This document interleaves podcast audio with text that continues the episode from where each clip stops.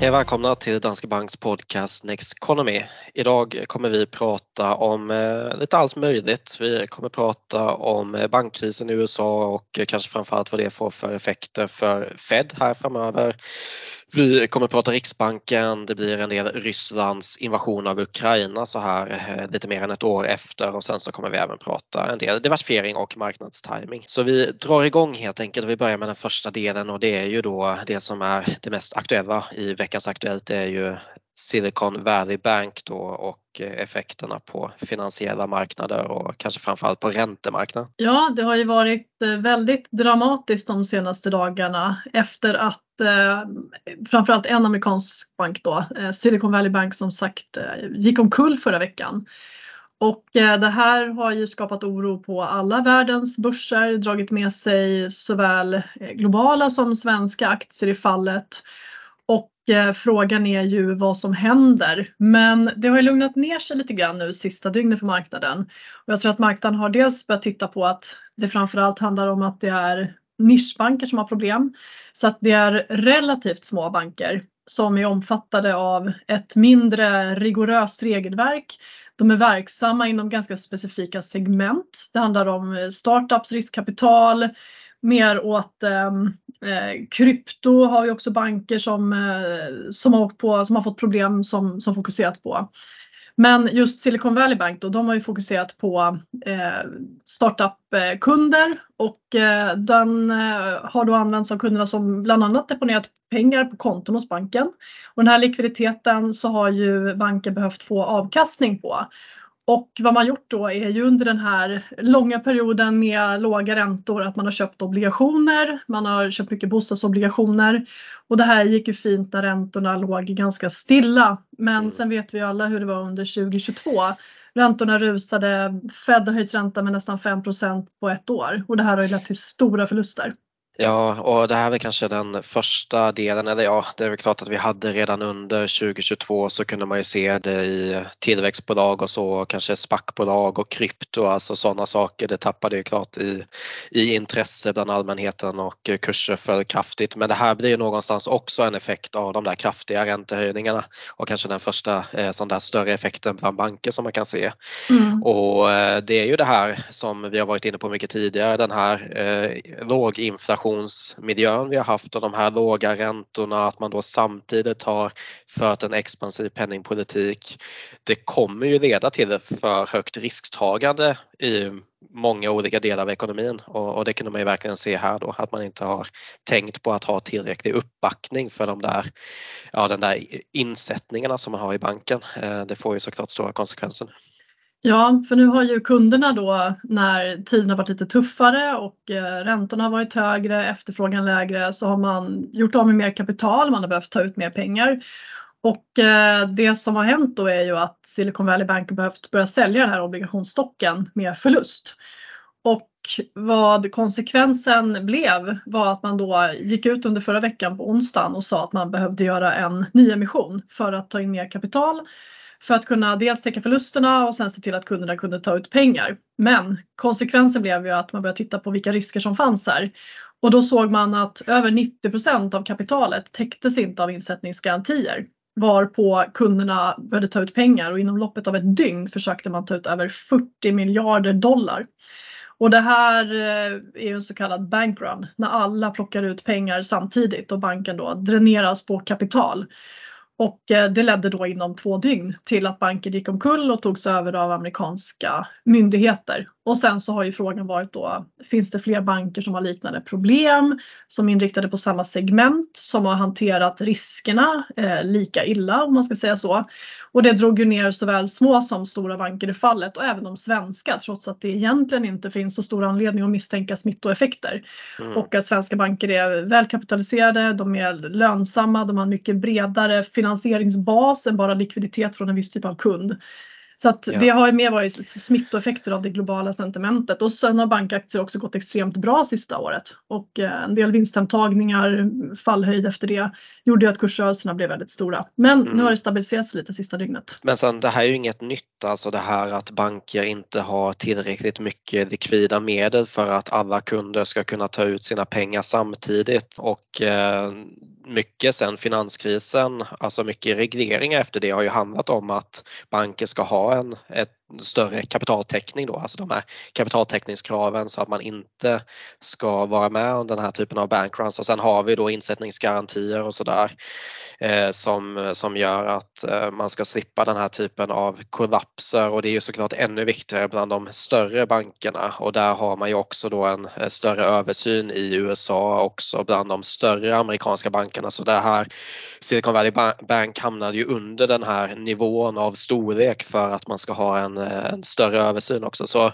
eh, ja, det här är ju någonting som såklart finns det här med att man inte har tillräckligt mycket likviditet men det ska ju täckas upp på andra sätt och man ska ju ha eh, bra riskkontroll över den här typen av eh, förlopp. Då. Mm. Och här är ju framförallt ränterisken som man inte har haft koll på. Ränterisk och likviditetsrisk. Mm. Och det är väl så att det här är kanske inte den enda aktören som har trott att räntorna ska förbli låga under väldigt lång tid framöver. Vi har ju tio år av nollräntor i princip bakom oss där räntorna varit väldigt låga och centralbankerna har ju också signalerat att räntorna ska vara noll under lång tid framöver och den här svängningen, utsvängen som vi såg i penningpolitiken förra året, den gick ju så otroligt fort. Så att jag tror att många blev tagna på sängen och eh, redan under våren så trodde man att nu, men nu närmar vi oss eh, toppen på räntehöjningarna och vet, man skruvade upp prognoserna lite grann gradvis. Och sen så fortsatte det under hela året så att den där räntetoppen kom aldrig och vi har fortfarande mm. inte sett den. Så att mm. alla har nog blivit tagna på sängen av det här så har förlusterna byggts upp. Ett resultat av det här nu är ju att alltså, förväntningarna på eh, amerikanska räntan, alltså Feds ränta har ju justerats ganska rejält och det gjorde den ju redan i början av februari. Då var det ju snarare åt det duvaktiga hållet, alltså börsen steg på grund av att ja, prissättningen var att eh, Fed skulle inte höja så mycket som man hade trott tidigare för att de var mer duvaktiga då i, vid februarimötet. Men eh, sen så där förändrades det ju i, i slutet av februari eh, och då skulle räntan höjas mera och den skulle vara hög under längre tid men nu bara på väldigt kort tid så har ju det här prisats om rejält då. Alltså förra veckan var förväntan att räntan skulle toppa på 5,75 procent och mm. inga sänkningar förrän 2024 och nu ska den toppa på ja, kring 5 procent eller till och med under och eh, räntan ska sänkas redan i år är förväntningarna. Alltså det, det är en extrem... Ja, det har ju eh, rört sig verkligen extremt snabbt. Um, och, men det, jag tror att den här duvaktiga tonen som vi hörde från Fed i början av februari den, eh, den kom ju precis innan vi sen fick en massa stark makrodata. Mm. Både PMI som visade att tillväxten studsar upp i industrin och att den har förblivit jättestark i tjänstesektorn.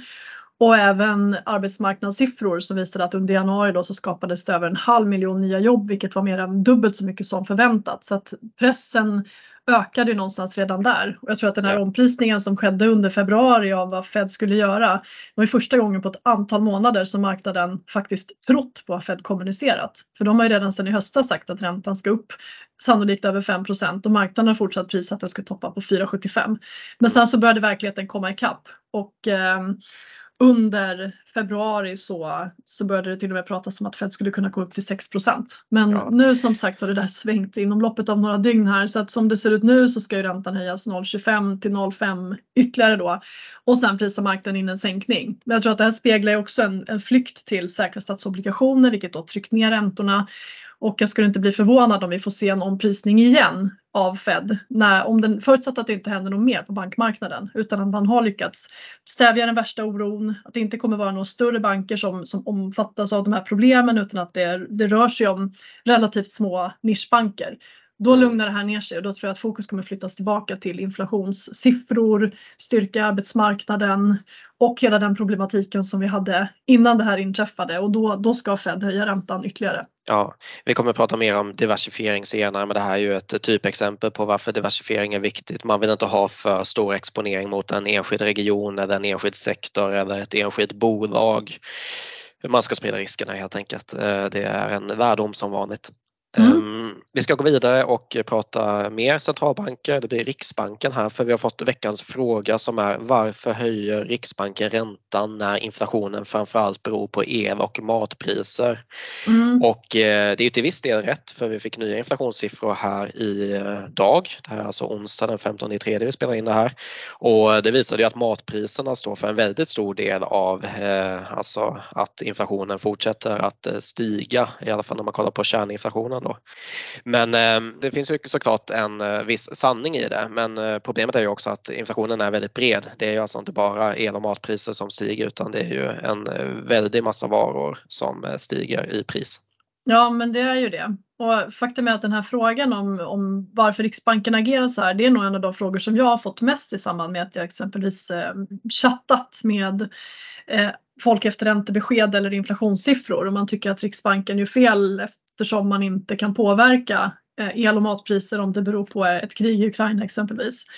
Men precis som du säger så har vi breda prisuppgångar och faktum är att elpriserna sjunker ju. Så att de bidrar ju inte längre positivt till inflationen på det sättet utan nu är det andra saker. Och kollar man då Eh, på kärninflationen där vi såväl har plockat bort effekten av att Riksbanken höjer räntan så att det vill säga inflation med fast ränta och sen så plockar vi även bort energi.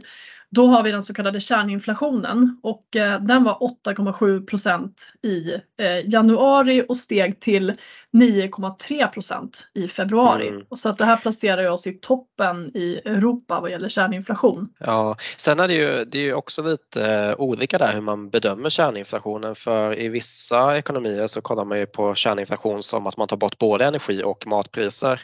Ja, och det finns i ju USA gör man det till exempel. Ja, så menar, det finns ju en viss rimlighet ändå i det kan man ju känna just nu. Nu ska man inte ändra på saker bara för att saker inte går som man vill. Det är vi väl medvetna om. Men jag menar mest bara att sen... matpriserna har en sån stor effekt eh, just nu.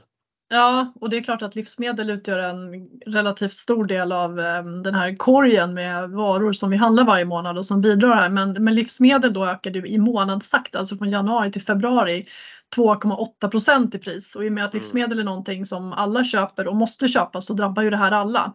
Ja. Det finns ju andra saker man kan dra ner på som paketresor till exempel som steg med 12,5 procent i månadstakt men en paketresa måste man ju inte köpa om den har blivit för dyr.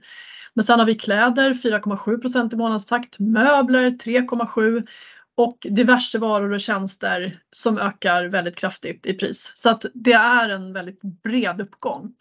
Och lyssnar man på vad Thedéen säger då så menar han ju att inflation är värre än räntehöjningar och eh, det talar ju för att Riksbanken kommer fortsätta behöva höja räntan. Det här var ju en, en kalldusch i form av inflationsstatistik skulle jag vilja säga. Ja, jag bara tänkte på det med Thedéen också. Han pratar ju mycket om det här att effekterna på lång sikt, det är ju som många centralbanker har varit ute och sagt också, är värre än effekterna på kort sikt av att höja räntan för mycket, alltså effekten av en hög inflation på lång sikt. Och det är mycket det här med att dels så vill man ju ha ett förtroende för inflationsmålet och att man kan planera sina inköp och sina investeringar på ett vettigt sätt.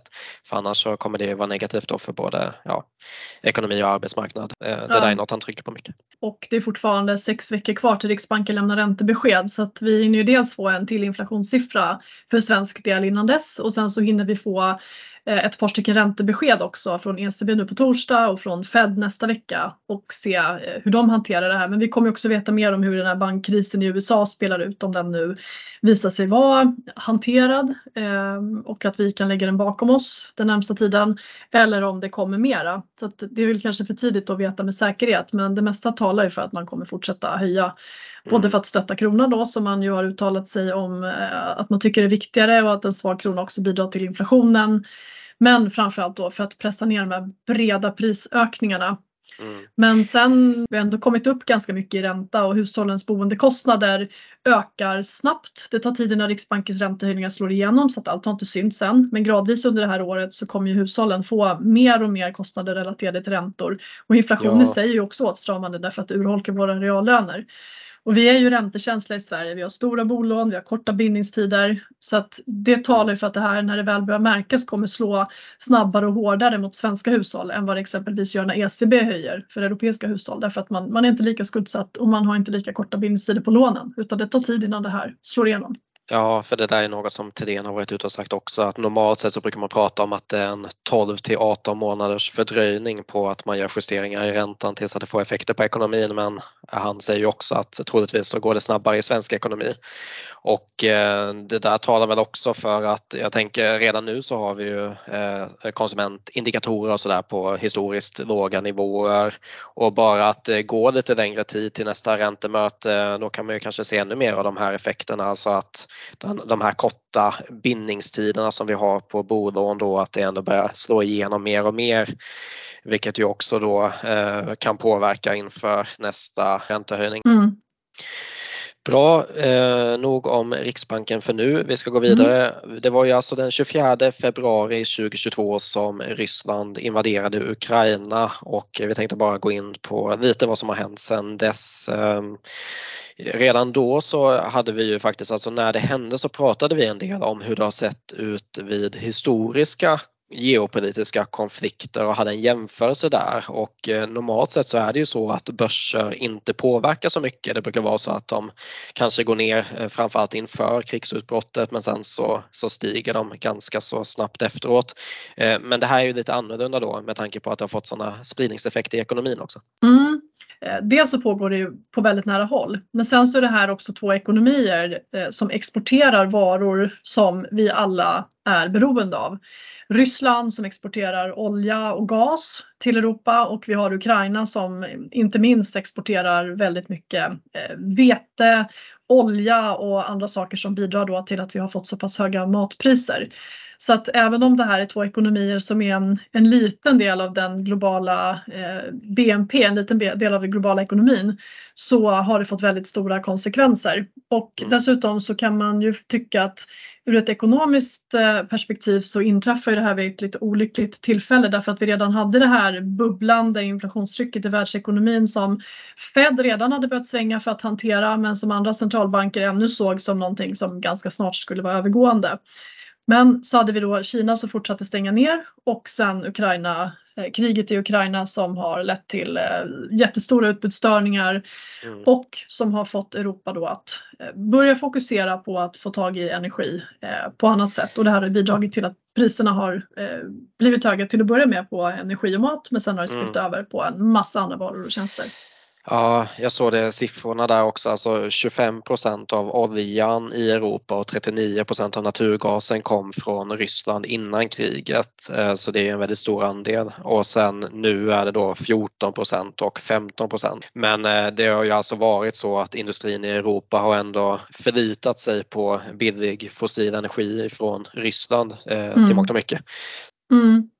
Sen har vi ju lyckligtvis eh, trots det här då att vi har infört sanktioner som gjort att vi inte kan och får eh, importera på samma sätt som vi gjort eh, så har vi klarat oss undan en energikris tack vare att vi fick en väldigt mild vinter. Hade vi haft en riktig vargavinter i Europa i år så hade vi kanske befunnit oss i ett helt annat läge. Men nu har vi åtminstone klarat den här vintern och man väl säga köpt oss lite tid i att hitta andra sätt att eh, försörja oss vad gäller energi och det handlar ju både om Eh, import av flytande naturgas men såklart också att ställa om snabbare till eh, mer självförsörjning på energisidan och eh, mer grön energi.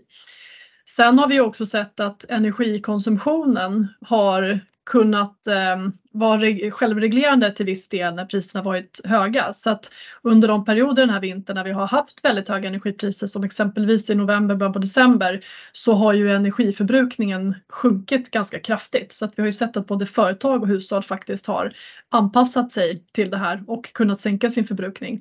Vilket också är ett positivt tecken att vi, vi kan göra mer än vad vi kanske trodde när vi gick in i det här.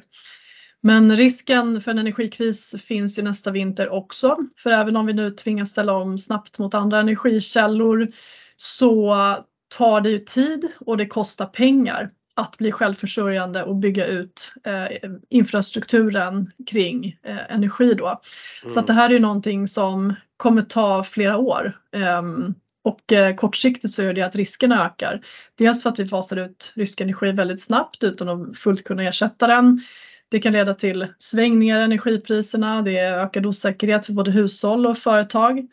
Men på sikt då så kan man ändå tänka sig att det, att det ger en del positiva eh, effekter och mm. eh, inte minst att vi blir självförsörjande som gör att vi, vi behöver förlita oss mer, mindre på omvärlden eh, och sen kommer vi få ett renare och mer stabilt energisystem. Ja, det är förhoppningen i alla fall och det är väl det det måste gå mot. Det är också en, alltså det här med elstöd har ju skett i många delar av Europa. Jag såg att eh, Tyskland har betalat ut 7% av BNP i elstöd och det är ungefär 1 i Sverige så det är en ganska stor andel och det här sker ju samtidigt som eh, räntorna stiger. Så mm. statsskulder har stigit i Europa och samtidigt då som vi blir tvungna att höja räntorna på grund av inflationen som delvis är ett resultat av de här höga energipriserna. Ehm, en annan sak som har eh, påverkat är ju lite hur eh, synen på globalisering och eh, kanske inte minst bland företagen då att man har ju dragit nytta av globaliseringen för man har haft sjunkande kostnader under många år men nu börjar man ju då väga de här fördelarna med sjunkande kostnader mot nackdelar då att vara så beroende av omvärlden och de här riskerna som det medför. Så det mm. blir en större del i beslut i företag också, alltså geopolitisk Eh, Eh, risk eller säkerhet, alltså vid, eh, vid ekonomiska beslut på lång sikt. Alltså vad blir kostnaderna för att ha en stor, eh, alltså vara beroende av omvärlden på lång sikt jämfört med då högre kostnader på kort sikt. Mm. Och det är ju lätt att säga det i efterhand men jag tror att det har varit ganska lite fokus under lång tid på nackdelarna med den här ökade globaliseringen och att man hela tiden sökt sig där det kanske har varit billigast med arbetskraft eller Eh, produktion eller bäst tillgång till arbetskraft eller råvaror eller vad det nu har varit som har styrt i olika fall. Men det här med sårbarhet i leveranskedjor om någonting inträffar, geopolitiska risker eh, som är någonting som jag tror att vi börjat se annorlunda på ända sedan Donald Trump tillträdde som president och startade handelskriget med Kina. Datasäkerhet har ju seglat upp som en helt annan fråga idag än vad det varit under lång tid. Det är också någonting som väger tungt, tungt idag, tyngre för företag och som också via regleringar gör att vi inte kommer ha eh, möjlighet att eh, eh, lägga viss typ av känslig kunskap eller produktion i vissa länder. Så att det här kommer ju leda till att företagen kommer i högre grad få välja en högre kostnad för ökad säkerhet vad gäller leveranskedjor, geopolitisk risk, andra säkerhetsfrågor. Så att det här finns ju en risk att det också bidrar till att inflationen då som har Förmodligen. Eh, man har ju pratat mycket om så här, varför var inflationen så låg under så många år och då har globalisering pekats ut som en, ett viktigt skäl. Och har vi då en, en deglobalisering där vi blir mer så att vi drar hem produktion närmare oss för att vi ska kunna ha bättre kontroll över den så kommer det kosta mer. Och det kan göra att vi får ett inflationstryck som blir högre under en längre tid framöver. Och i så fall så kommer vi få leva med en lite högre räntenivå eh, också sannolikt än vad vi har gjort under lång tid. Mm. Sen är det ju bara en del i den här inflationsnedgången under lång tid, eller låga inflationen. Det andra man brukar prata om är teknologi alltså, mm. som också är gör att priserna minskar och samma sak med demografi, alltså en äldre befolkning tenderar att göra att priserna hålls på lägre nivåer. Så eh, det behöver inte men eh, en viss effekt kommer det absolut kunna ha, särskilt när vi redan då vi har fått den här inflation, en inflation som stiger till väldigt höga nivåer tenderar att ta ganska lång tid innan den kommer ner. Det brukar liksom inte ske eh, jättesnabbt om man kollar på historiken så det här kan ju bidra till att vi får en något högre inflation och räntenivåer under en längre tid framöver. Mm. Och så småningom så kan man väl kanske hoppas att eh, urholkning av reallöner blir lite mindre men här och nu så är det här ett väldigt tufft läge för eh, hushåll och inte minst då i Sverige. Mm. Bra, vi ska gå vidare och prata diversifiering tänker jag. Dels så en slutsats från det här eh, senaste året också med kriget i Ukraina och eh, allt annat som har hänt är ju återigen diversifiering. Att ha en diversifierad portfölj gör att man klarar sig hyfsat bra genom olika typer av kriser snarare än om att man är eh, inriktad på en särskild sektor eller sådär. Och eh, det tar oss vidare till eh, veckans studie som då handlar om eh, vikten av diversifiering och att undvika marknadstiming och det blir ännu tydligare när det är stökigt på marknaden som vi har haft nu de senaste dagarna.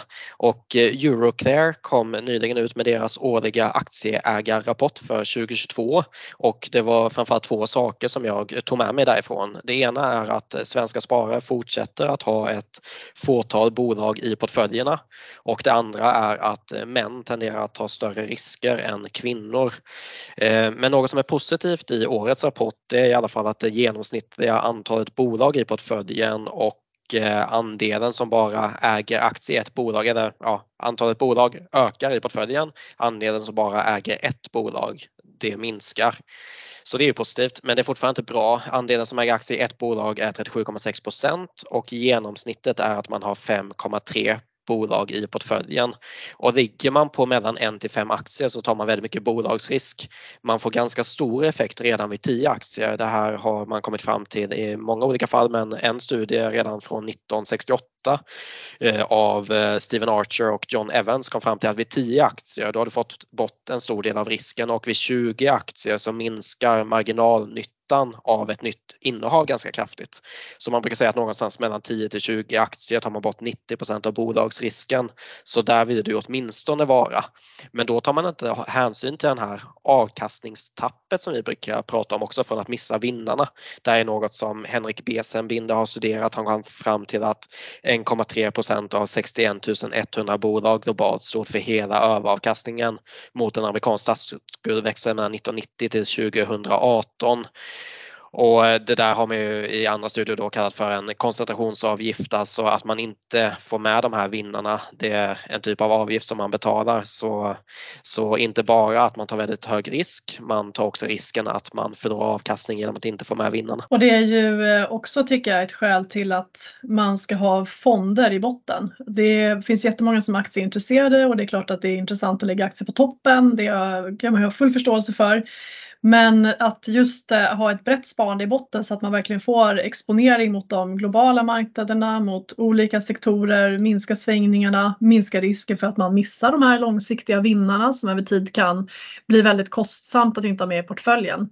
Och sen också eh, just på tal om att få med bolag i olika sektorer och få en bra riskspridning så gäller det också då att om man ska bygga en egen, egen aktieportfölj så behöver man dels ha ett lite större antal aktier. Helst ska de ju då vara verksamma inom eh, olika Eh, segment eller olika branscher så att man får riskspridning på det sättet och eh, ju mer man det till portföljen så blir det också fler bolag som man själv ska hålla koll på och kontinuerligt följa och se till att man har de bolag som man tror mest på inom respektive segment. Så ja. det är en ganska tuff utmaning skulle jag vilja säga för majoriteten av vanliga sparare inklusive ja. dig och mig.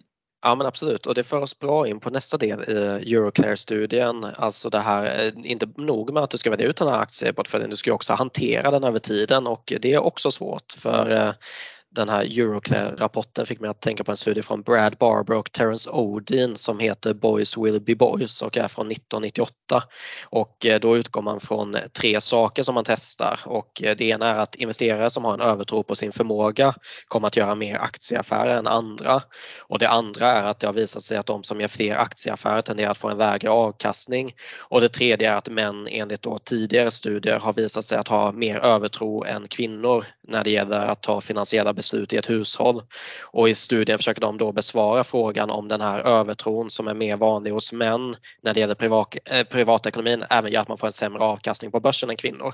Och då kollar man på data över 35, hus, eller 35 000 hushåll i USA mellan februari 91 till januari 97 och det visar sig att män gör 45% mer affärer än kvinnor. Så män omsatte 77% av portföljen per år medan kvinnor omsatte 53% av portföljen, alltså bytte ut 53% av portföljen. Och för att mäta den här aktivitetens effekt på avkastningen så jämför man den avkastningen på portföljen som man hade i ingången av varje år, alltså vad man hade fått för avkastning om man bara behöll de innehaven man hade i början av året med den faktiska avkastningen. Och både män och kvinnor underavkastar då den statiska portföljen men män underavkastar mer. Så för män är det 2,65 procentenheter per år och för kvinnor 1,72 procentenheter per år. Så ökad aktivitet leder alltså till sämre avkastning och män har en tendens att vara mer aktiva än kvinnor i alla fall i den här studien. Och bara orsaken till varför jag eh, tog upp den här studien det var att i Euroclears rapport så finns det en bild över de mest ägda aktierna bland män och kvinnor och den visade ändå på någon typ av overconfidence bias eh, kan man ändå tycka för det var mycket småbolag som var heta under 2021 som fanns i männens portföljer och mer storbolag i kvinnornas portföljer. Och eh, så inte nog då med att man tar mycket risk genom att ha ett fåtal bolag, man äger också högriskbolag i stor utsträckning och framförallt männen, men det är också fler män än kvinnor som investerar så man kan ändå anta att majoriteten av portföljerna ser ut på det sättet. Så eh, ja, slutsatsen återigen då, diversifiering är viktigt. Alltså på kort sikt kan ju vad som helst hända. En högriskportfölj gjorde bra ifrån sig under 2021. Den gjorde väldigt dåligt ifrån sig under 2022. Så på lång sikt kommer man ändå bli en vinnare genom att ha en bra riskspridning och eh, diversifiera sig. Mm. Och det är lätt också då att tänka om man tittar på den här statistiken och tänka att de här aktierna som man sitter på då, eh, framförallt om man är man, köpte man på sig under 2021 när det här var de stora, de bolag som de stora möjligheterna såg ut att finnas i och sen så har man fått då kraftiga bakslag under 2022. Ändå blivit sittande kvar med de här bolagen eh, i ganska hög utsträckning som man förmodligen då har tappat en del pengar på och eh, så missar man också andra möjligheter på marknaden och får de här mm. jättesvängningarna i portföljen som också tror jag tenderar att i vissa fall skrämma bort folk från långsiktigt sparande därför att man blir bränd av hur stora eh, förluster man också kan göra på kort tid om man kommer in eh, fel i marknaden.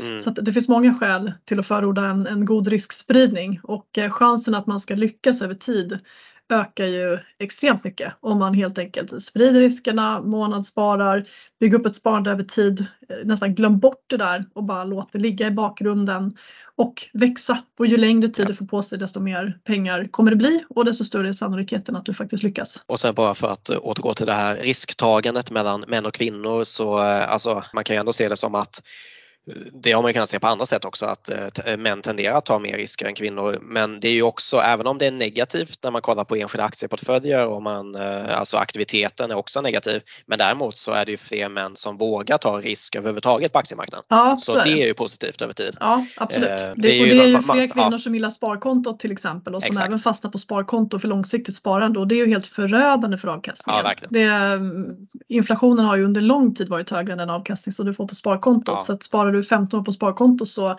får du mindre för pengarna den dag du ska använda dem än den dag du satt in dem på kontot. Ja. Så man ska våga ta risk men man ska ta en balanserad risk. Det är ju det som ja. är själva, själva poängen. Mm. Eh, bra, med det ska vi avrunda för idag. Eh, ni får som vanligt gärna komma med förslag på nya ämnen. Det gör ni antingen i frågeformuläret i avsnittsbeskrivningen eller genom att följa oss på Twitter och ställa en fråga där. Och eh, gå gärna in på nexteconomy.se också. Det är vår nyhetssajt och där hittar ni poddar, eh, krönikor och andra nyheter kopplade till investeringsstrategi, marknadssyn och investeringsfilosofi. Och nästa avsnitt kommer om två veckor. Tack för att ni har lyssnat idag. Vi hörs igen då. Tack och ha en fortsatt fin vecka.